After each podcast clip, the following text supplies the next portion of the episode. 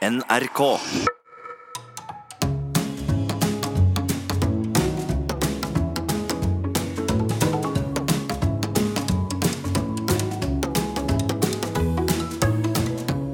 Hjertelig velkommen til Sånn er du her på NRK P2 med Nils Brenna Hei.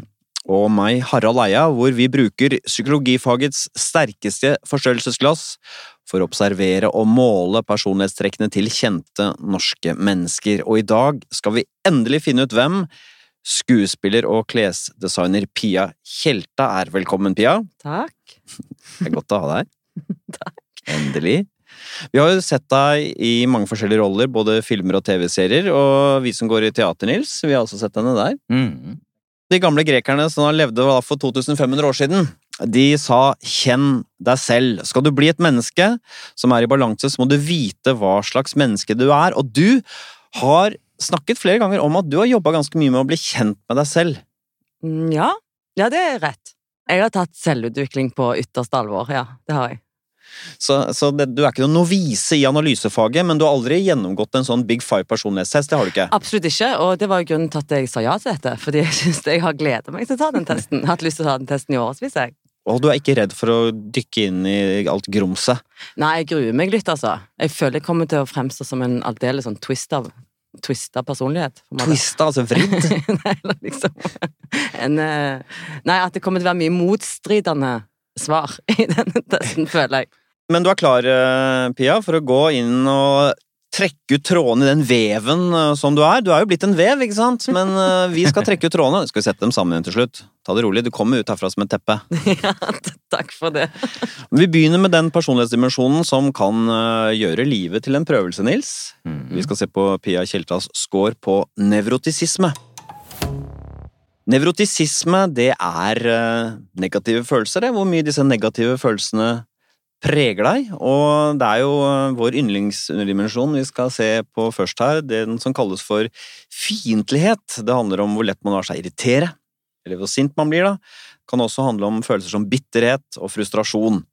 De som scorer lavt, de tar lett på ting. Det tar lang tid før de blir irriterte og sinte. Scorer du høyt, da, så lar man seg lett fyre opp. Eh, Man sier ofte at de har kort lunte. Mm.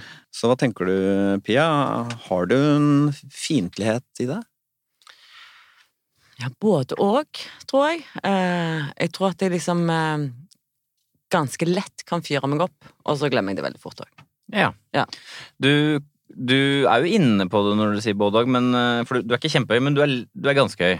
Tallet er Tallet, det? fem, tallet 59, det vil si at du er, det er cirka litt over 80% som er mindre fiendtlig enn deg. Mhm. Men du er ikke ekstremt høy. Det er ganske gøy. Ja, okay. Men du har ikke lov å stille deg i båsen 'jeg lar meg ikke slett lett irritere'-båsen. Nei. Den der slipper du ikke inn. Nei, nei, jeg kan lett irritere meg. Få en eksempel, da. Nei, altså, jeg kan irritere meg når folk tror at det der rullebåndet på flyplassene er for å hvile. Det er jo ikke det. Derfor, Det er jo for å få noe effektivitet inn i reisen. Sånn kan jeg irritere meg på. Ja, men kom igjen, da. Har du, hender det at du sier noe høyt? Nei. Stønner du? Nei. Dytter du liksom Nei, bare går Da går iallfall jeg i et uh, radig tempo, for, sånn- for sånn. Den er til å gå på, ja. Men er det sånn som kan irritere deg over Du har jo tre barn, og en, den eldste er ganske Hvor gammel er den eldste nå? Hun er 18. Kan du irritere deg over datterplaten? Plager vettet av meg. På hvilken måte? Nei, men det kan irritere meg over sånn uh, Bare at du tar klærne mine. Kan jeg bli kjempeirritert på. Eh, og at eh, hvis jeg skal noe og skal gå i sminkeveske og alt er vekke, så kan jeg fyre meg sånn opp, og så eh, elsker Gud like mye et sekund etterpå. Jo, jo. Så det, det, det går ganske Og samboeren, da? Kan han Nei, han irriterer meg faktisk veldig lite. Eh, mest fordi at han aldri biter på mine agn. Nei. Hvis jeg liksom sender ut et litt fyrig agn hans vei. Hvordan foregår det sånn fyrig agn som sendes ut? Altså, hvis jeg er irritert på et eller annet, da. Ja. Eh, kan du få ræva di opp på sofaen og se til helvete få satt på en vask? Altså, skjønner du? Altså, eh, han biter aldri på. Så den, den faller død uh, lenge Så du blir ikke mer irritert av det, altså? At han ikke biter på? Nei, for det er jo en del av vår dynamikk. Ja, på en så jeg er egentlig litt sånn glad i det. At jeg vet at sånn Ok, nå prøvde jeg å fyre opp noen greier her, og så han tar ikke imot. And I fucking love you for it. Så altså, liksom Men han, hans styrke er ikke at han er sløv, men at han både får det med seg og vet å behandle det. For det kunne være at en sløv person heller ikke bet på de angene, men han ser det, men agerer ikke på det. Han er absolutt ikke sløv. Nettopp. Ja, nei. Frustrert, kan det bli det? Ja, kan det bli. Over hva da? Jeg kan bli frustrert over at jeg ikke får til ting. eh, eller at jeg strever med ting, eller at det er noe jeg ikke forstår. Hvordan er, hvordan er det å være frustrert? Hva skjer da? Nei, i jobbsammenheng, hvis jeg blir frustrert, så blir jeg jo òg ofte mye mer fo- fokusert. Eh, Ja. Fordi at da kjenner jeg sånn Ok, her er det et eller annet jeg ikke skjønner, et eller annet jeg ikke får til, eh, et eller annet jeg ikke klarer å løse. Mm. Eh, og da fører det igjen til at jeg liksom går inn med enda mer fokus og konsentrasjon, på en måte. Skjønner du hva jeg mener? Ja, det setter i gang en litt sånn skjerpende prosess. Ja. Og det som er Noe av det interessante her, er jo at du vi har nå snakket om høy, ganske, ganske høy fiendtlighet. Um, og så er jo spørsmålet da om dette kommer ut eller ikke. Uh, det er avhengig av hvordan man scorer på det trekket som heter føyelighet. Som, er et, eh, som ligger under medmenneskelighet-dimensjonen. Ja. Vi kan jo uh, avsløre med en gang at du er ganske lav score på føyelighet. Det vil si at du kan ha tendens til å få det ut. Du blir ikke liggende inni deg, stort sett. Nei. det Stemmer det? Mm. Men har du krangla mye opp igjennom? På jobb? Nei. Veldig lite. men generelt? Ja, i årenes løp så har jeg krangla mye. Da har det. Det har jeg. Eh, mest i veldig nære relasjoner, i parforhold. Ja. Eh, det, det har jeg gjort. Og jeg har egentlig ikke vært spesielt redd for det heller. Nettopp. Eh, og så er jeg ganske bra på å tilgi, syns jeg sjøl. Ja. så jeg glemmer ganske fort. Ja. Men det som er interessant, er fordi at det er lett for sånne som deg, og for så vidt meg, da, som er ganske glad på følelighet sjøl, og krangle det gjør ikke meg så mye, det kan jeg gjøre ganske lett, men folk som er høye på følelighet, syns det er ubehagelig. Mm. Sånn. Kan, ikke vi, kan ikke vi snakke om, kan ikke du si litt om hvordan er det en sånn krangel foregår? Hva er det du syns er lett med en sånn krangel? Kan du synes jeg kan ha glede av til og med å krangle litt? Jeg kan ikke kanskje Pirke glede liksom fe- fe- feil ord, men jeg er ikke redd for det. Nei, Eh, det, gjør, det, det, det gjør meg ikke liksom satt ut, på en måte. Jeg kan Nei. fint liksom eh, få en diskusjon opp i gir, mm. sånn at den ligner på en krangel. Mm. Eh, og så kan det gå to minutter, og så Ja. Så er liksom fine med det. Mm. Da har vi fått det ut, og så er det greit. Eh, men jeg er jo sammen med en som er nok hadde skåra veldig høyt på føyelighet, Ja, eh, som òg da gjør at eh, vi krangler veldig sjeldent. Eh, og det òg handler om sånn eh, at jeg tror jeg har så mye respekt for han at jeg vet at han tåler det Mm. mindre enn meg. Ja. Sant? nettopp. Sånn at det, da skapes det jo òg en type dynamikk som ikke handler om at man fyrer hverandre Mm. Opp til himmels. Mm. Uh, Når en som er føyelig, sånn som jeg er, møter en som ikke er så føyelig, i et sånt eh, parforhold, så, er det, så er det, oppstår en helt ny dynamikk. Jeg har for eksempel innført i mitt forhold Kan du ikke sukre pillen litt?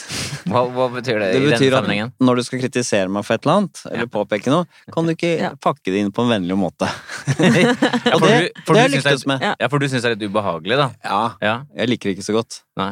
Jeg føler det blir som et barn. Ja. Redd og lei meg. Så hvis han sier sånn eh, Jeg vet at du hadde veldig dårlig tid eh, i dag, men eh, til en annen gang så er det veldig hyggelig å bare ta tallerkenene liksom, av bordet og bare rydde bort på benken. Så er det så hyggelig å komme hjem. Mm. Istedenfor å si 'Nei, men kan du ikke rydde, da?! Vær så snill!'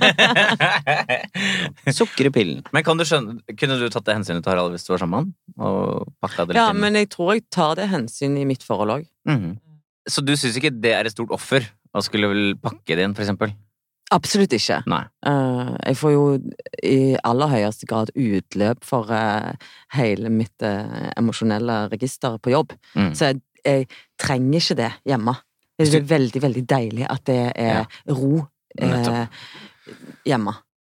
En interessant underdimensjon eh, innenfor nevrotisismeparaplyen er selvbevissthet, altså sosial angst, egentlig. Hvor usikker eller selvsikker man blir sammen med andre mennesker. Noen kaller det også skamfølelse, Nils. Mm. Så scorer man lavt her, selvfølgelig, så mm, er man ikke noe engstelig. Sosiale sammenhenger kan gjerne komme alene på fest uten at det koster deg noe. Lurer ikke på om folk går og tisker og hvisker og bak ryggen på en. Scorer man høyt, så kan man bli ubekvem, man kan føle seg underlegen, redd for å bli latterliggjort. Pia, hvordan øh, er det med deg? Er du sånn selvbevisst på en sånn negativ måte? Jeg tror ikke det. Nei, du er ikke det. Bra. Veldig lav score. Ok. 36, 5 lavest omtrent. Ok. Var det deilig? Ja, det var litt deilig. For jeg følte det kom litt skjevt ut i starten her. Du er sjelden plaget når du er sammen med andre mennesker. Du føler deg sjelden underlegen. Ja, nei. Du går og tenker sånn hva, hva syns de om meg? Det er så ubehagelig å tenke på hva de tenker om meg. Du tenker ikke sånn. Nei, det tenker jeg faktisk veldig sjelden. Burde sikkert tenkt det mer. Men er det sånn det, Andre folk kan jo kjenne på den skamfølelsen. Hva tenker sånne som du, og for så vidt vi, om skam? Hva slags forhold har du til skam? Jeg kan nok kjenne på skam liksom dagen derpå. altså, hvis jeg har vært for øsen eh, og snakket for mye og for høyt og blitt sånn ivrig Petra på fest som jeg kan bli, at jeg går så høyt opp i gir, for jeg syns det er så kjekt. Jeg blir så glad av å være sammen med andre.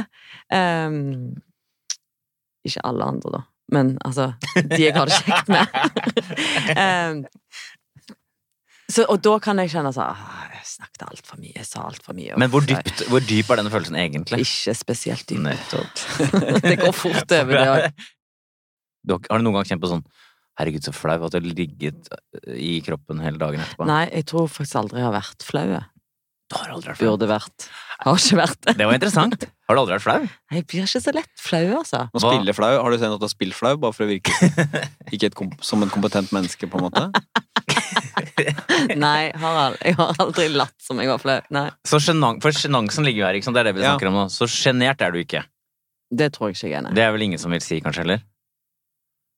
nei jeg tror ikke det. For du er heller ikke noe særlig flau, Harald. Nei. Har du, kan du huske sist du var flau? Dypt Ja, jeg har sagt dumme ting, da. Jo, men du blir ikke flau. Angra på det, men jeg er ikke flau. Nei, det er sjelden. Jeg blir flau av andre, men ikke over meg sjøl, nei. Du blir, ikke, du blir ikke flau, Pia? Kan du huske noen gang du var flau? Nei, Nei, men Det spørsmålet fikk jeg eh, nylig.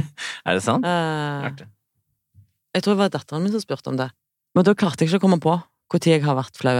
Og det handler jo kanskje om at en del av min jobb handler jo om eh, å bryte ned alle sånne type flauhetsbarrierer, og der alle begynner med bukser på knærne, på en måte, på første leseprøve, og at en del av stillingsinstruksen er å tørre å drite seg ut og våge å gjøre masse feil. Men betyr det at du heller ikke var flau før du tok skuespillerutdanningen?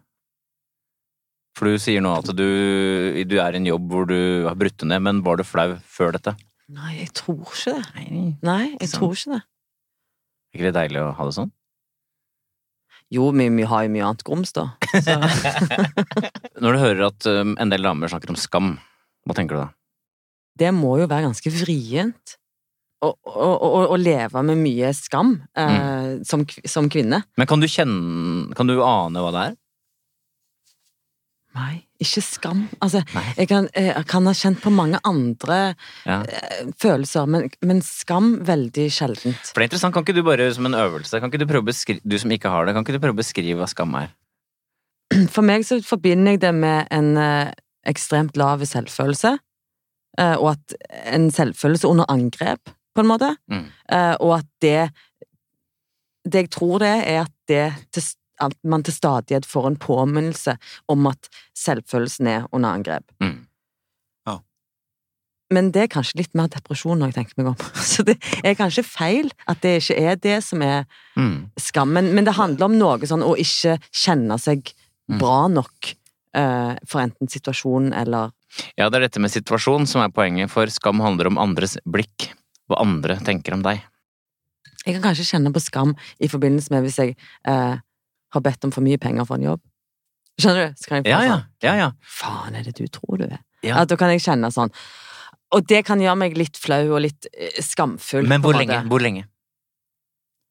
Kanskje tre-fire dager, da? Å ja, det er såpass, ja. Ja, det kan gå, jeg tror nok jeg, sånn, det kan gå litt inn og ut av det. Så ja. glemmer jeg det litt, og så åh, Og du forhandler lønn. Shit. Og så forhandler du lønn, og, så, og av og til så får du det sikkert til, og så får du det. Og da kjenner du også at en, skam, en slags skam knytta til det der, når du får innvilget ditt ønske om høyere lønn. Nei, da kjenner du ikke noe skam, vel. Men da er det jo over, på en måte. Nettopp, da, er jo, det er det jeg mener. da har man jo sealed the deal. ja, men det er det jeg mener, så det er, ikke- det er ikke så dypt heller, mener jeg. Nei, kanskje ikke. Er man et nevrotisk menneske, så er man ikke øh, bare litt hissig eller øh, engstelig i sosiale sammenhenger. Man, man er også lett for å gi etter for sine drifter og sitt begjær. Og Så scorer man høyt på impulsivitet, som vi skal snakke om nå, så klarer du ikke å utsette ting hvis du har lyst på noe. Du må ha det nå! Ikke sant? Mm. Så hvis man scorer høyt her, så mm, vil da for eksempel øh, mat, øh, sigaretter eller øh, noe fint som man har lyst på i butikken, det må man ha sånn nå, klarer ikke- har litt dårlig på å holde igjen. Mm. Og det kan gjøre livet litt vanskelig iblant. Mm. Skal man lavt, så kan man motstå fristelser og begjær. Hvordan ligger du an her, Pia? Nei, you tell me. Og du har ikke noe idé selv? Nei, egentlig ikke. Du har fått en ganske høy score. Jeg har det, ja. Ja. På, eh, på impulsivitet. ja. Tallet er 68. Det er såpass høyt at vi kan snakke 2-3 høyeste. Oi, oi, oi, oi, oi. Hva kan det være? Det er kanskje et tema jeg må ta tak i i terapien. Ja, Er det skjønner, noe- skjønner. Ja. Er det hva med godteri eller god mat, for eksempel? Elsker mat, liker ikke snop. Nei, men la oss holde oss til mat. Ja. Har du noe, hva er din favorittrett? Spagetti vongole. hva er det for noe? Det er sånn hjerteskjell. Ah, ja. Ja. Og da, når du da får det, så Så kan jeg bli så glad at jeg nesten tar to på rappen. Og da kan du bli stappmett? Har du, har du ofte spist så mye at du angrer? Ja, ja, jeg spiser meg alltid altfor mett. Det gjør det. Ja, jeg elsker mat mer Ja. enn livet sjøl. Ja. Hvordan foregår det når du får noe som er skikkelig godt? Tenker du da at du skal prøve å holde igjen, eller tenker du ikke det engang? Er det sånn at du tenker på at du kommer til å spise deg for mett? Ja, Og driter i det? vet jeg Og jo driter i det? At nå blir jeg altfor mett. Eller tenker du ikke på det, du bare, det bare, du bare spiser, liksom? Jo, jeg tenker på det. Ja, du gjør det. Ja, jeg har en bevissthet omkring det. Klarer du å holde igjen? Hvordan Nei, det jeg er ikke spesielt sånn disiplinert på sånne ting. Jeg har ikke sånn veldig høy selvdisiplin, tror jeg. Men jeg har vært sånn helt siden jeg var liten. Ja, At jeg sånn husker sånn at det der lå de skillingsbollene og bare kanskje vente til vi skal få trødd i oss de. Så bakst også er godt, eller? Åh, Ja, jeg er glad i hjemmelaga bakst. Ja, Baker du selv? ja litt, for- men ikke, ikke mye. For utfordringen er når du baker selv, og, du, og det ikke er ferdig før utpå kvelden. For da må man stappe i seg rett før leggetid. Er bare ta litt av deigen, da. Men er det an andre fristelser du gir etter for, eh, som du har- ofte går rundt og angrer på, eller? Siden du har så høy score, mener jeg, på impulsivitet. Annet enn pastaen. Eh, sikkert eh, dyre nettkjøp, vil jeg si. Ja. ja, nettopp, Jeg ja. kan få sånn, og hvis jeg, for hvis jeg har mye penger, så lever jeg litt som jeg er Ivana Trump, på en måte. ja. Eh, da lever jeg med de pengene. Hva er det til det dyreste er du har kjøpt? slutt. Hva er det dyreste du har kjøpt på nett? Eller hvor dyrt? Jeg tror nok det er en sånn Vampires Wife-kjole til cirka rundt 20 000. Ja, Som har kjøpt på nettet? ja. Oi. Bestilt flybåren hjem. Hvordan føles det da når du har gjort det? Jeg blir liksom i korte drag ganske lykkelig av det. Ja, du gjør det. Ja. Du sier ikke sånn til Pia, dette her burde du ikke gjort, dette var ikke bra. Fader, altså. Det er ikke sånn. Jo, jo, det kan jeg jo gjøre sånn da i slutten av måneden når det er veldig skralt. Så kan jeg få sånn Jeg skulle jo aldri ha gjort det. Er det sånn som liker å spandere og sånn? Ja, det elsker jeg. Og jeg skulle ønske at jeg var så rik at jeg kunne spandert til folk i et banka Ja, for kjør. det er litt sånn fett å være sånn spandabel. Jeg syns det er kjekt å gjøre andre glade. Ja. Jeg syns det er, er digg at eh, Den tar jeg. Det størda på meg. Det er deilig å si. I Jeg spanderer! Slapp av! At kortet er glohett i veska etterpå. Hva, hva, hva med sånn, sånn alkohol og sigaretter? Syns du det er godt? Ja, jeg drikker jo veldig lite. Gjør det? Uh, ja, og jeg er ganske sånn tam på det. Uh, og Hvorfor det egentlig? Litt sånn mobba for det, egentlig, i min uh, vennegjeng. Hvorfor er du så tam på det? Egentlig fordi at jeg er ikke så glad i tap av kontroll, tror jeg. Sånn at uh, idet jeg bikker noe som ligner på full, så får jeg ikke ned mer. Ah, ok. Eh, jeg liker ikke at kroppen og hodet ikke er Ah, ok, skjønner. er helt på plass. Så du er ikke så glad i narkotika heller, da? Absolutt ikke! Det hadde ikke vært noe for meg. Nei, Nei. da mister du det. Du er ganske morsom i fylla. Jeg husker vi var ute en gang, og da kom du på det å si Kari Bremnes på forskjellige måter. Den kommer fra deg. Er det sant? Ja. Ja, for den er fra Pia, ja. Ja da. For Pia sa Vi snakket om Satan for en ære! Er det sant? Visste du ikke det? Nei, dette har jeg glemt. Jo, fordi vi, jeg, vi, vi snakket om å være skuespiller og sånn på en sånn fleipete måte. Da. da snakket du om at du kan uttrykke hva som helst. eh, Du trenger ikke noen replikker, egentlig. Og så kom det opp det å si For eksempel, jeg kan bare si eh, artistnavnet Kari Bremnes på forskjellige måter. Det, så kan det uttrykke alt mulig, ikke sant. Så, og, det, og det gjorde du der og da. Jeg holdt på å le med det, så fortalte jeg til Bård på mandag, så syntes han det var gøy. Og så Ikke det kult? Eller? Altså, Visste nå er jeg jo helt Ja, sjokkert ja. over at jeg har greid å levere fra meg noe humormateriale til Ja. neven til Harald Eia. Nei, så vi har jo gått gjennom eh, flere underdimensjoner under nevrotisisme her, Nils. Eh, Pia scorer noen ganger litt lavt, noen ganger høyt. Eh, Hva skal vi si om samlescoren? Tenker du på deg selv som nevrotiker? Nei. Du har fått et tall som, hvor du kan egentlig bestemme litt selv om du er det eller ikke. Du har fått sånn touch av høy, men som kan være på normalområdet. Tallet er 56. Så, Jeg sa at det kom til å få sånn twisted resultat. ja, men så øvre del av normalområdet, så du kan bestemme selv. Du er da lav score på selvbevissthet, som vi har snakka om, altså lite skam og sjenanse. Tydelig lavt. Så er du på snitt på det som fanger nedstemthet og sårbarhet for stress. Og så har du høy score på impulsivitet, som jeg snakka om. Ref den uh, pastavarianten og maten og sånn. Og så er du ganske høy på engstelse. Du bekymrer deg litt. Du har litt uro i kroppen. Ja. Kan ha masse uro. Hva kan det være? Jeg er sånn for ungene, og det kan ja, være uro sånn- uro hvis jeg skal dra fra dem, og hvis jeg Altså uh, Har mye sånn konsekvensanalyse så fort det Så Mm. fort en av oss skal vekke fra de. Eh, Da ser du for deg ulykker og alt som kan ja, gå da kan jeg se for meg Ja, er der, ja. alt det verste, ja. Da eh, Jeg skulle ønske at jeg var som Solveig Kloppen. Men uh, det ble nok en veldig mye mer dark versjon. Hadde det ikke vært litt kjedelig for deg å være så ubekymret da? Nei, det tror jeg ikke hadde vært kjedelig. det Det er jo en- sikkert ganske godt for uh, den sjelelige hygienen, tror du ikke det? Jo, men det kan være litt farlig å være så ubekymra, Harald. Hvis man ikke bekymrer seg for noen ting. I vår verden som har så få farer, så tror jeg ikke det er så farlig. Ja, men jeg, jeg kan gå liksom Hvis jeg ikke får tak i dattera mi med en gang, eh, og det er sent om kvelden Ja, hun Mm. eldste. eh, og, det er sent om kvelden, altså da har jeg gått inn i altså noen bilder og en fantasi som er helt sånn Jeg kan bli livredd. Ja, det er jeg tror jeg skårer scorer Engstelsen Ja, kommer nok eh, derifra, tror jeg. Ja, for det er interessant det spillet der, eller samspillet mellom en forelder og et barn på 17-18 år. Mm. De må, de, du vil jo at hun skal svare fort, men hun er jo, lever vel ikke et sånt liv hvor hun prioriterer å svare fort når mor henvender seg. Uh, nei. Hvor lang tid kan det ta da, og, og hva skjer med deg da? Nei, hun ringer meg opp igjen, for jeg kan bare sende en melding og si at du må være så snill å svare meg, for jeg blir livredd. Så skjønner hun Vi, Ja. vi er jo ganske tette, Ja. så hun kjenner meg såpass godt at ok, nå trenger mamma at jeg ringer henne. Får du sove, for eksempel? Når... Nei, jeg får ikke hvor sove sp- før for eksempel hun er hjemme. Nei, ikke Nei, det gjør jeg. Det gjør du, ja. ja skjønner. Eh, nei, det gjør jeg ikke. Og når hun skulle på den årlige russeturen til IOS Ja. eh, den dagen hun hadde reist, da tror jeg jeg grein sånn seks-syv ganger akkurat den dagen. du For at jeg bare kan se for meg alt som det kan såpass, skje. Ja. Og så er jeg sånn, nok litt sånn pedantisk i engstelsen når det gjelder eh, de små. Så hvis Oddgeir skal reise med de alene, da, kan jeg, da pakker jeg sånne flåttkrem og sånne, sånne eh, remedies fra apoteket på en måte i sånne små ziplock-poser. Og liksom helt nerd på sånn, bare sånn i tilfelle. Så har dere iallfall det. Hvor gammel er de nå? Tre og et halvt. Pia, du mente selv at du var eh, twisted, at du var eh, ganske sånn sammensatt. og Noe av det kan vi få svar på neste personlighetstrekk. Vi skal se på din score på åpenhet for erfaringer.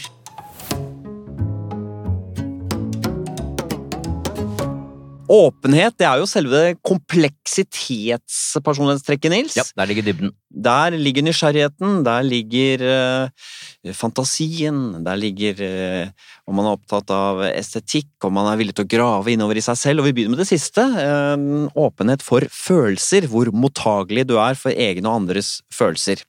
Skårer man lavt, så um, har man et litt flatt følelsesliv, kan vi si. Man uh, syns ikke sinnsstemningen man kjenner på er noe spesielt betydningsfulle, Nils. Mm. Jeg er jo litt sånn. Mm. Og så har de som scorer høyt, da, de kjenner dype og også ganske spesifikke sinnsstemninger. De har et rikt eh, ordforråd for å beskrive nyanser i følelsene. Eh, Mens de som scorer lavt, kanskje tenker sinna, sulten, sur. Eh, Så de som scorer høyt, de, har, ja, de liker å snakke om det og tenke på og kjenne på følelsene. Er du et følelsesmenneske? Spiller følelser stor rolle i ditt liv, Pia? Det tror jeg absolutt det gjør. Soleklart. Eh, Tallet 67, det tilsvarer sånn 3 høyeste. Mhm. Det er høyt. Jeg regnet med det. Så hvis noen sier Pia, hun er emosjonell, hva tenker du da? Jeg tenker ikke stemmer det. Og hva, hva betyr det? Forklar alle, har alle det som er så uemosjonell. Hva er det å være emosjonell? Eh, jeg tror at det handler om å være eh, Altså å ha litt sånn tilgang inn til Ja. sine egne emosjoner, på en måte. Ja. Og òg å kunne være vare for de omkring seg. Uh, Mm, ja, nettopp. Og, Så- ikke sant? jeg tror jeg tar jo nok inn uh, andres sinnsstemning òg. Uh, I tillegg til at jeg har ganske sånn lett tilgang inn Mm. til mine egne. Jeg kan vite om ganske sånn eh, presist hvordan jeg kjenner meg. Hva er det du kan fange opp? La oss si du er i en gruppe med mennesker. Hvordan er det dette liksom virker da? Hva er det du kan få med deg da, for eksempel? Jeg kan nok lese ganske fort hvordan folk har det. Mm. Eh, spesielt folk som ligner på meg. Mm. Eh, som, eh, som har emosjonene litt utapå. Så Mm. kan jeg se ganske sånn fort eh, Fange det opp, da, tror jeg. Mm. Når man er emosjonell, så er jo, betyr jo følelser mye. Er det sånn at du at har et sånt blikk innover på dine egne emosjoner? At du hva, er det som foregår her nå, liksom? Hva er det jeg kjente på denne situasjonen? Er, det sånn, er du sånn analytisk Ja. på den måten? Ja, det kan jeg være. Uh, og kan bruke masse, ganske mye tid på det. Sånn, hva var det som skjedde der? Å ja, der tror jeg kanskje jeg liksom uh, opplevde det og det, uh, og at det trigga det i meg. Hvis jeg har reagert på noe, for eksempel, så kan jeg gå litt analytisk til verks i Mm. ettertid. Men diskuterer du mye med, venner og sånn? sånn hva er det som skjedde der? Hvorfor, hvorfor svarte hun sånn på det, litt sånn kort og mutt? Hva var det som Det var ikke Ja, noe det kan, ja det kan, og det kan jeg synes jo er interessant å diskutere. Jeg synes det er interessant å observere det òg, eh, som jo handler sikkert litt om en yrkesskade, på en Mm. måte. At jeg ofte kan følge med på eh, på hva folk forteller bare med blikket eller med tonen i stemmen, eller om de eh, Ja, de, om de våger å holde blikket, eller om de trekker det, de Altså sånne ting kan jeg jo synes er liksom interessant. Mm. Når man, har- når man scorer høyt på åpenhet, så kan man også score høyt på underdimensjonen fantasi. Det er jo kreativitet og forestillingsevne. Eh, De som scorer lavt her, de, jo, de liker å snakke om den aktuelle oppgaven, og ikke masse sånn det de oppfatter som dilldall. Da, da scorer du høyt, så da eh, dagdrømmer mye. Man eh, broderer ut eh, fantasier og detaljer. Syns at det å forestille seg ting som ikke fins, er interessant. Så hvordan er du her, Pia? Er du en fantasifull eller en ikke fantasifull type? Eh, jeg tror at Tror jeg er det, altså. Du er veldig tydelig høy her, sånn. Du har fått tallet 68, som er ca. 2% høyeste på dette med fantasi. Jeg gjenkjenner i deg det tullet, det der at du bare babler opp i det som ikke fins, da. For eksempel det med Kari Bremnes er typisk at det kommer opp. Mm. Det er en ko-ko idé, det ville ikke Nils ha kommet på. Nei, det vil ikke. Det som skiller eh, folk med lav fantasi og de som har høy score på fantasi, er at de som scorer høyt, veldig ofte kan forestille seg for eksempel hvordan folks liv er innenfor deres eh, fire vegger. Ja, Det er det lett- beste jeg vet. Ja, det er det. Ja, ja, Ja. veldig kjekt. Å tenke Jeg på. dikter alltid sånne historier om folk eh, på flyplass, for eksempel. Jeg gjør det. Når jeg ser at de Ja, sånn Hva slags type bagasje de har, hvor de har vært, og hvor de skal, og hvem de skal møte. Om du ser en person, la oss si en dame, gå med en koffert Ja, så kan jeg se hvis hun ser trist ut, eh, Ja. så kan jeg tenke på Lure på hva som har skjedd, eh, og Uh, ja, lure på hva slags Ja. liv hun har, og hvor hun kommer fra, uh, og hva slags bevissthet hun sjøl har om hvordan hun har det. Ja. Uh, jeg kan liksom lage en liten film om henne. Ja. Det gjør jeg jo òg mye i jobben min, både som skuespiller og som designer. Så dikter jeg jo liksom Vi har jo alltid laget liksom en forhistorie og en uh, Altså, vi har jo tatt karakteren sin ekstremt mye uh, i ekstremt mye flere retninger enn det som nødvendigvis vises akkurat på scenen eller på skjerm. Ja. Og i tillegg gjør jeg jo det når jeg designer klær òg, at jeg ser for meg liksom hva slags liv hun jenta i det plagget eh, har, eh, hvor hun skal hen, og at den kjolen skal man bruke til det og det. Jeg kan lage små sånn kortfilmer omkring Mm. det òg, som jeg regner med at ikke så mange andre hadde hatt giddet å gjøre. Nei, jeg skjønner. Hva slags type ting er det som folk opplever i de kjolene, da? Hva er det du tenker på da? Er det sånn det... Jeg kan jo bare sånn eh, Jeg kan tenke at denne her er lagd for hun som skal stå på kjøkkenet og være litt sånn der en, en eller annen versjon av Sofia Loren som står og koker spagetti i denne kjolen eh, til sin eh, elskede, og så eh, skal hun bare se helt rå og helt hverdagslig ut, selvfølgelig. Ja. Eh, Ja, samtidig. nettopp. Ja, Eller jeg kan, kan også tenke mye sånn Tenk om denne kjolen skal bli med ei jente eh, eh, på noen store begivenheter i hennes liv, eh, og at sånn sett så er det liksom ikke så overflatisk som man tror, fordi det er noen tar på seg et plagg, så starter det en historie, og da kan jeg begynne å dikte de historiene og se for meg sånn Ok, de skal eh, på ungen sin, eller de skal gifte seg, eller de skal eh, reise på ferie sammen for første gang. Eh, altså masse sånne ting som jeg kan Ja, bare ja. dikte inn, da. Eh, Pia har jo så langt en høy score på underdimensjonene på åpenhet, eh, høy på følelser, høy på fantasi, men eh, hva med andre typer åpenhet, Nils? Ja, I sum eh, på åpenhet så er du ganske høy. Så du er en ganske åpent menneske. Eh, du har litt touch av lav score på det som heter handlinger, det vil si variasjon. Det vil si at du er litt rutinemenneske oppi alt. mhm. Og så er du på snitt på det som heter verdier, det vil si at du er tolerant menneske, men at du på noen spørsmål kan synes at ting, noen ting er sannere enn andre. Og så har du toucha høy på estetikk, det som fanger hva skal jeg si, kunst og kultur i alle varianter. Eh, sjekket litt nøyere etter, og det vil si at du er ikke noe særlig begeistret for dans, kan du se meg? For du må tenke at du er sånn hyperkulturell, men, eh, og det er du på mange måter, men ikke når det gjelder dans. Jeg har ikke så sterkt forhold til det. Så er det høys, eh, veldig høye scorer da på både fantasi og følelser og emosjoner. Mhm. Vi skal se på Pia Tjeltas score på ekstroversjon.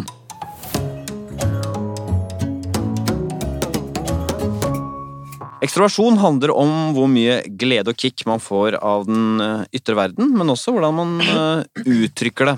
Og Vi skal begynne med underdimensjonen selvmarkering, som handler om eh, i hvilken grad man uttrykker sine meninger overfor andre. Det handler altså om hvor dominerende man er i sosiale sammenhenger, Pia. Så hva tenker du, er du en selvmarkerende? Ja, det tror jeg faktisk. Jeg skjemmes litt av det, men eh, Ja, det jeg litt. tror at jeg uh, scorer ganske høyt der. Du kan sløyfe ganske. Ok, ja, jeg skjønner. Ja, eh, tallet, tallet er 68, ja. Det er jo 2-3 Au, au, høyeste. Så i en gruppe på 50, da, så er du den. Ja, men skjønner, du, Det er derfor jeg skammer meg litt òg? Ja, men skammer du deg egentlig? Jo, litt. At jeg kan kjenne på sånn, for at jeg kan ta så mye sosialt ansvar. For jeg tenker at det må For du kaller det ansvar. bli kjedelig. Ja, for du kaller det ansvar. Ja, det gjør jeg. Det er ikke det at du brenner av en lyst etter å si noe fordi det er spennende og gøy. Nei, jeg tenker vel at eh, noen må jo dra lasset her, da, hvis det skal bli i gang på denne Men syns du ikke det er litt deilig å ta det ansvaret? Altså, jeg gjør jo nok det fordi at jeg jo på ett nivå trives med det. Hvordan merker man det? Nei, det er jo at jeg blir øsen, da. Hva, er, hva snakker, betyr nei, øsekar. Altså at du snakker høyt og mye. Jeg får jo ofte energi av folk, eh, og Ja. da spesielt folk jeg liker.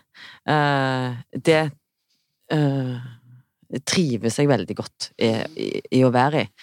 Um, Og Da, får du, da kjenner du at du får, du får tenning, du får du, Ting går lett.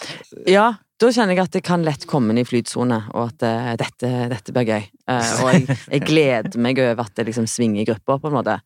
Uh, Ja, for du tenker på det mer som en sånn dynamikk med andre enn at du selv holder sånne lange monologer og, og dominerer samtalen. Det er mer at du ja, det er mer at det, at, at det, at det, at det er groove i gruppa. Ja, for At det, eh, at det er god stemning, og at alle har det kjekt. eh, og det er det jeg er glad i. Men jeg kan teste ut en ting, for det er, noe, altså det er minst to måter å snakke mye på. Det ene er å snakke lenge om gangen, eller å snakke ofte. Ja, det tror jeg er på ofte. Er du sjefete?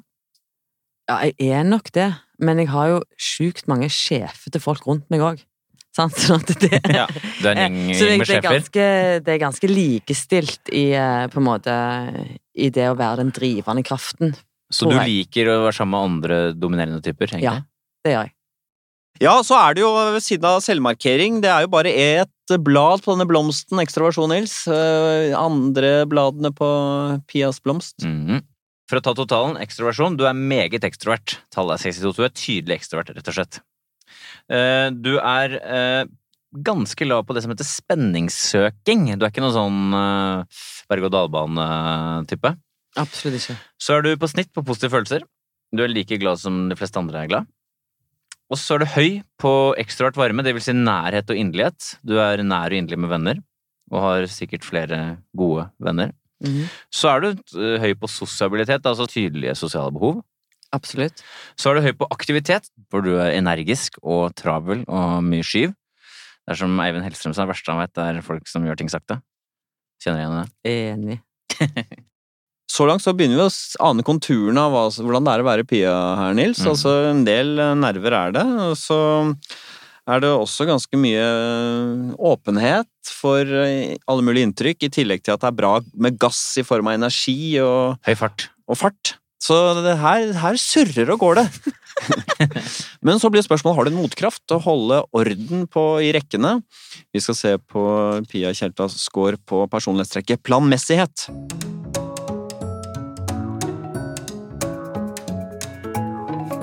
Planmessighet, det er jo selve generalen blant eh, personlighetstrekkene. Det er en streng lærer. Eh, Det er viljen og drivkraften til å prestere for å oppnå sine mål. Vi begynner med den underdimensjonen som heter prestasjonsstreben. Det handler om hvor ambisiøs man er. Man eh, scorer høyt på dette her, så er man iherdig, målbevisst, har en tydelig retning i livet. Så hva tenker du, er du ambisiøs? Ja, mer enn for mitt eget beste, tror jeg. Du har høyt tall, ja. 66 tydelighet, 5% høyeste. Mer enn for ditt eget beste, hva mener du? Både i forhold til at eh, jeg er ganske sånn perfeksjonistiske, og at jeg ikke gir meg før liksom, resultatet er helt Hva kan det være da, for eksempel? På hva? Nei, det kan være veldig Både i i arbeid med en forestilling, eh, der man jo i mye høyere grad enn på film kan finjustere en, eh, eh, en scene.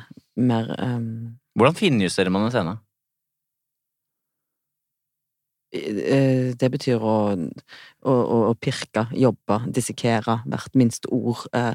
Det handler jo om å prøve det mange nok ganger på Ja. mange nok ulike måter til at man kanskje lander et sted i, i samarbeid med regissøren sin og medspilleren sin. Mm. Eh, men jeg kan òg være veldig sånn nøye på sånn Nei, den sømmen er akkurat en halv centimeter for langt ut på skulderen. Jeg må akkurat bitte, bitte litt inn der. Nettopp. Og det er ikke perfekt før det er perfekt. Men liker Eh. du, liker du at det er så nøye? Ja. Ja, om, om jeg liker å være så nøye Ja, liker Ja. altså litt, Det er jo litt plagsomt òg, for jeg syns jo det er litt slitsomt. eh, men jeg får liksom ikke sove hvis det ikke blir riktig. Nettopp. Så jeg er liksom Jeg er veldig nøye og pirkete. Ja, for det er en sånn trang, da. Er det det? Altså, du kan ikke, du kan ikke slå til ro med at det ikke er best, liksom? Jeg ville ikke gitt fra meg et arbeid jeg kjente at var litt halvveis. Ja, ville jeg ikke, da ville jeg ikke hatt det bra.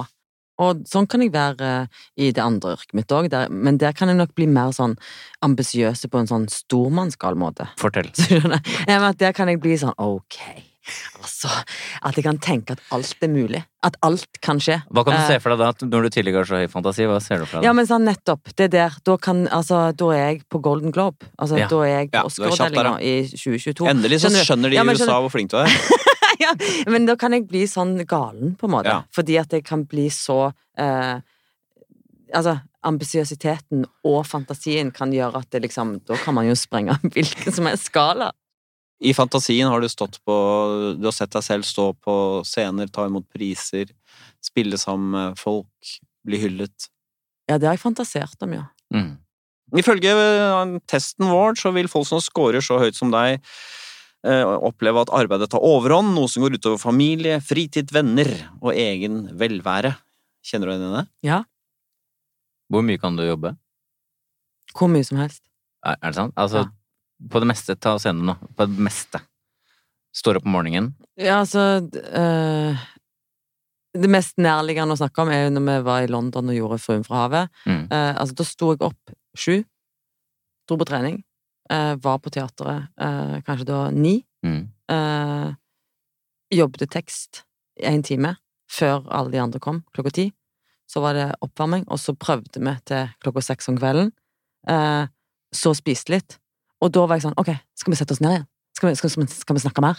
Eh, Ja. eh, kan vi se på denne scenen? Uh, på, altså, da er jeg litt sånn som ikke gir meg, på en måte. Som jo kan være litt usunt. Er det ofte at folk sier til deg Pia, Det er ikke så farlig. Ingen som kommer til å legge merke til det. det hører du ofte den setningen? Ja. Ja, for de som ikke er ambisiøse, de har aldri noen forståelse for å legge inn den der ekstra runden, sånn Steve Jobs, som til og med passet på designen inni eh, Mac-datamaskinene, Mm. der hvor ingen så. ja, og jeg er jo òg fascinert av å like godt folk som går den ekstra mila. Mm. Jeg gjør det, altså. Mm. En underdimensjon her, prestasjonsstreben, der scorer Pia Tjelta veldig høyt, eh, men planmessighet Vi snakker jo om selvdisiplin. Hvordan er Pia her? Ganske høy, ja. Ganske mye selvdisiplin også. Du Er det sant? Ja, du kan Du gjør får ting gjort.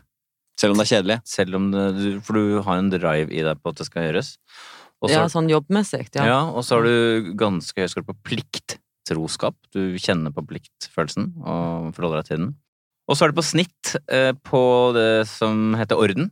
Struktur og orden og sånn. Så er det på snitt på betenksomhet. Det betyr at du verken er omstendelig eller tar ting ekstremt mye på hælen. I sum ganske høy på planmessighet. 57.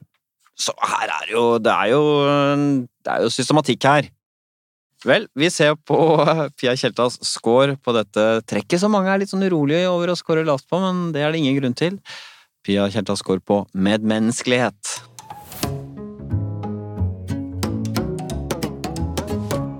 Medmenneskelighet, det handler jo om samarbeidsvilje, medfølelse, hjelpsomhet, ikke sant?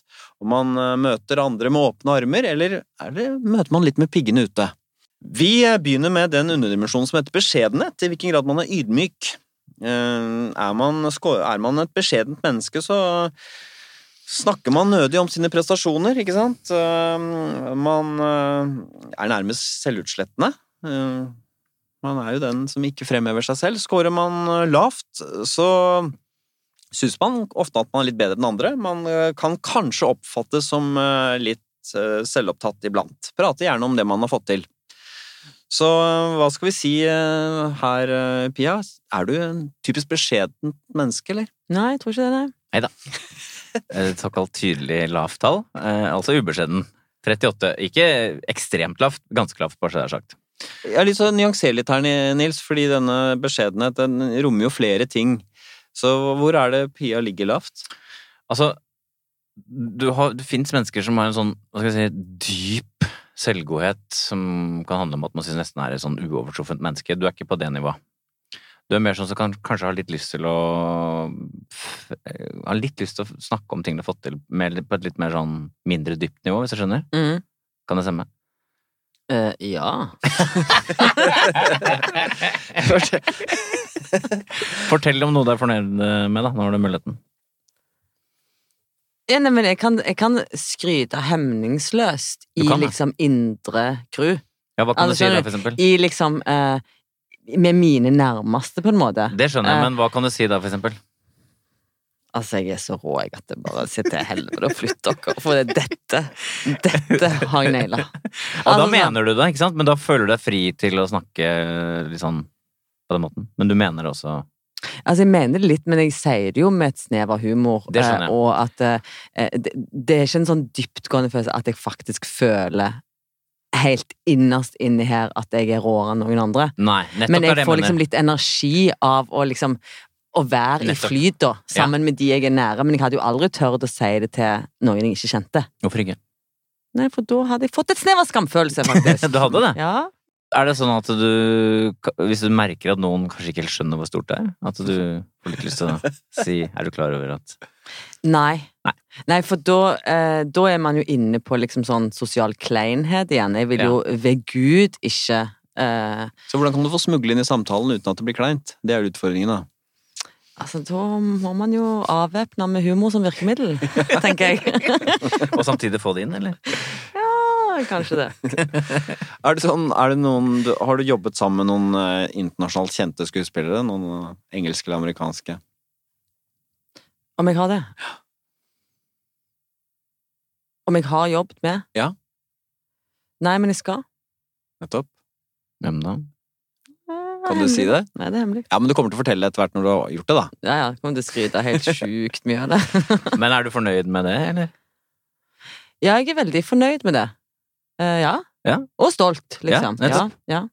Fordi vi, andre, vi har hatt andre her, Nils, som også er ubeskjedne, og de forteller jo veldig om dette her, om hvordan de ofte har lyst til å nevne eksempel at de var på fest med Jens Stoltenberg, eller har vært på fjelltur med Jonas Gahr Støre, og det er liksom.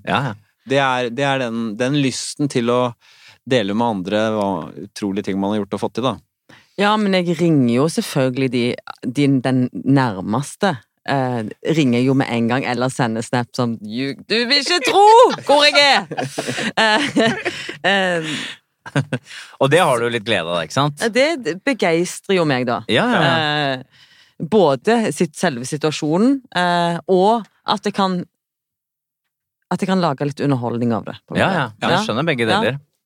Jo, selvfølgelig òg at jeg har liksom brukt årevis òg på ikke å få det helt til, på en måte. Og på eh, eh, Og ikke nødvendigvis eh, være sett på som en av de flinkeste. Så at når jeg endelig føler meg ganske rå, så får jeg sånn ai, ai. La det stå til! Men når du for eksempel, du har jo vunnet en del eh, priser, som for eksempel Amanda. Er det sånn at da Du tenkte ikke å dra opp det lille silverskjellet nede i San Sebastian, eller? Nettopp!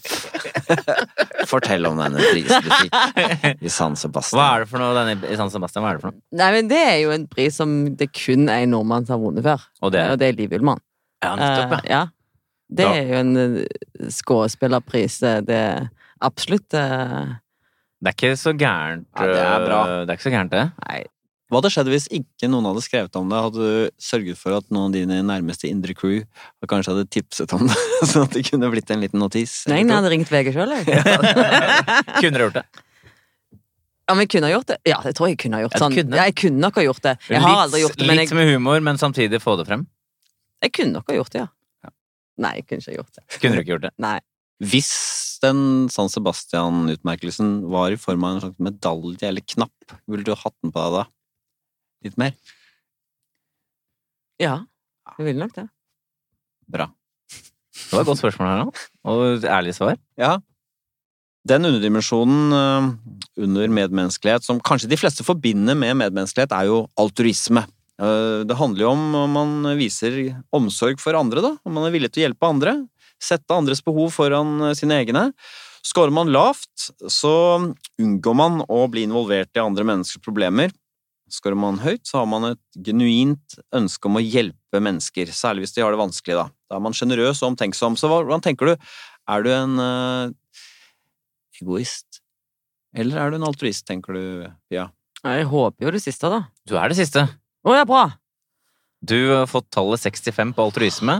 Det er godt 5, det kom noe formildende inn her i dag. 5% høyeste sånn cirka. Du kan jo være litt voldsom og alt der, men oppi alt så er du da Kan man si det så banalt som at du er snill? Ja, jeg håper det. Hva er det som Ja, vi kjøper det. Hva er det som kan, på hvilken måte er du snill, da, for å si det sånn? det. Jeg bryr meg jo veldig mye om de jeg har rundt meg, eh, og jeg er ganske opptatt av at de skal ha det bra. Hvor, hvor, hvordan kan det arte seg? Hva gjør du for at de skal ha det bra, da? Nei, altså, hvis ei venninne av meg har det dårlig eh, eh, Drar du ned til henne? Ja. Da flyr jeg til København. Ja, du gjør Altså, det? ja, ja, jeg hadde, og hadde flydd til hvilken som helst annen Jeg hadde made an effort. Uh, Nettopp, det er det som er poenget her. Vi pleier å bruke Harald av og til som et eksempel på for han er litt lav score her. Du hadde jo ikke flydd liksom verden rundt, du, hvis du merka at en venn hadde det litt dårlig. Nei, øh, Jeg er usikker på det. spørs jo Det er jo de som ofte scorer lavt her, sier sånn Hadde det vært veldig alvorlig, det er klart, da hadde jeg dratt ned. Det er jo det.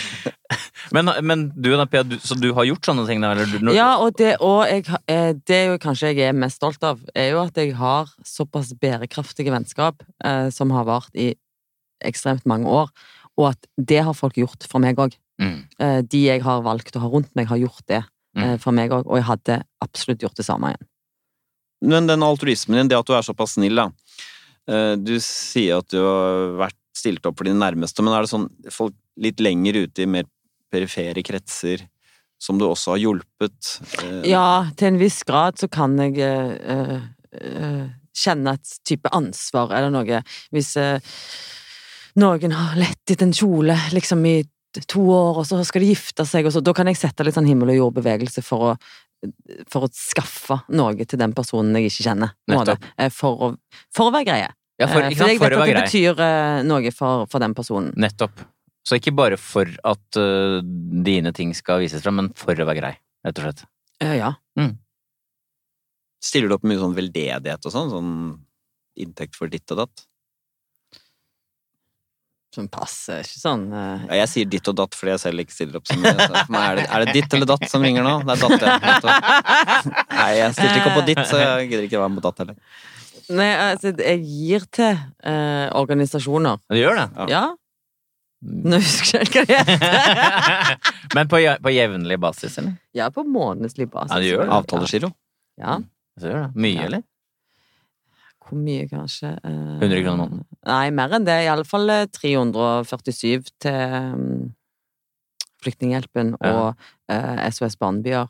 Ja, de har noen sånne Faste. eh, Ja, ja, du har det. Sånn som jeg tolker deg, da, du må være en veldig god venninne. jeg tror det.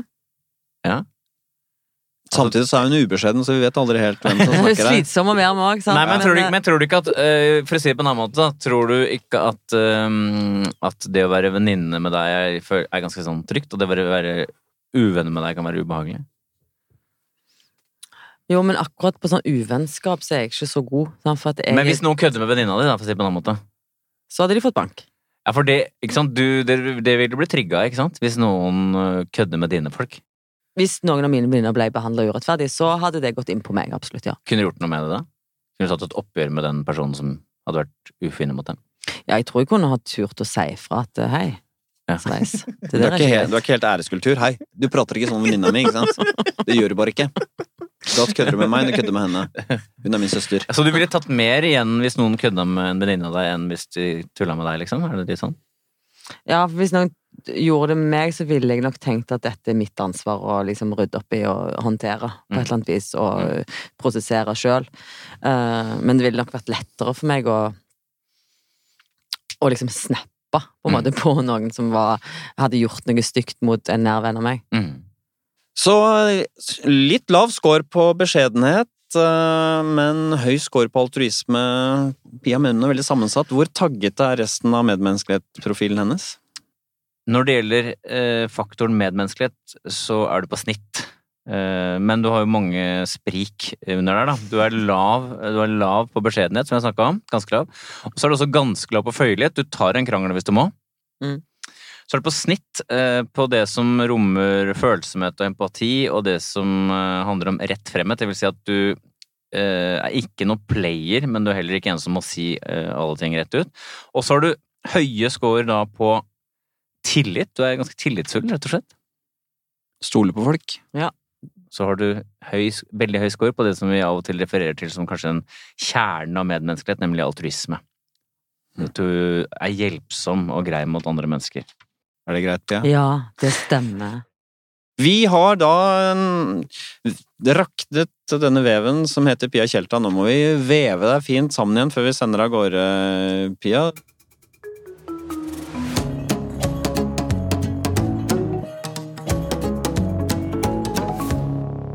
Pia, du har jo en interessant profil. Du har eh, På den ene siden så er du Har du mye temperament. Eh, og du er da også litt plaget av eh, impulsivitet. Og så er du et ualminnelig åpent menneske. Og har denne sterke ekstroverte kraften, og du har driv etter å få til ting, samtidig som du er eh, litt eh, skrytete, men snill. Jeg hører at dette er jo en karakter som er eh, litt av hvert. Så vi har jo snakket om det, Nils. Vi, ofte når vi har kvinnelige skuespillere særlig, men også mannlige skuespillere, så tenker vi på denne, dette å være en diva. Mm. Og du er jo ganske nærme en diva, Pia, ifølge vår test. Um, det at du er såpass, uh, ikke sant, tar så mye plass, og såpass uh, hissig og såpass uh, kranglete og skrytete. Men det som ødelegger for deg, er at du er så lite egoist. Du er så snill. Så det forstyrrer diva-bildet ditt, da. For en snille diva, hva er det for noe, liksom? Det er ikke en diva. Hva tenker du selv? Eh, Ja. Jeg tenker at jeg ikke vil være sånn kranglepelle. Du er ikke kranglete, men, men du står opp for meningene dine, er det det heter. da. Ja, det var hyggelig. Ja. Så det er, jo, det er jo en fest å være sammen med deg, da. Jeg har jo vært sammen med deg et par ganger. Det er jo alltid, man går jo alltid derfra med mange, et smil om munnen og mange gode minner. Ja, det er hyggelig.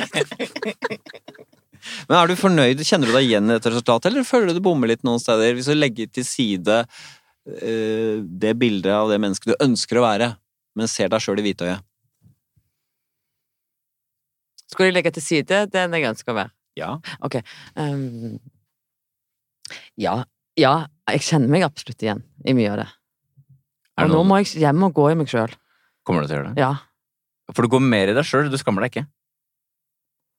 Nei, nå tenker jeg sånn at nå må vi gå, jeg må gå litt analytisk til verks, eh, og Men husk, du kan ikke forandre på noe på dette her. Du må bare, som de gamle grekere sa, du må lære å leve med dette. Jo, men jeg kan òg stagge meg bitte litt på fest.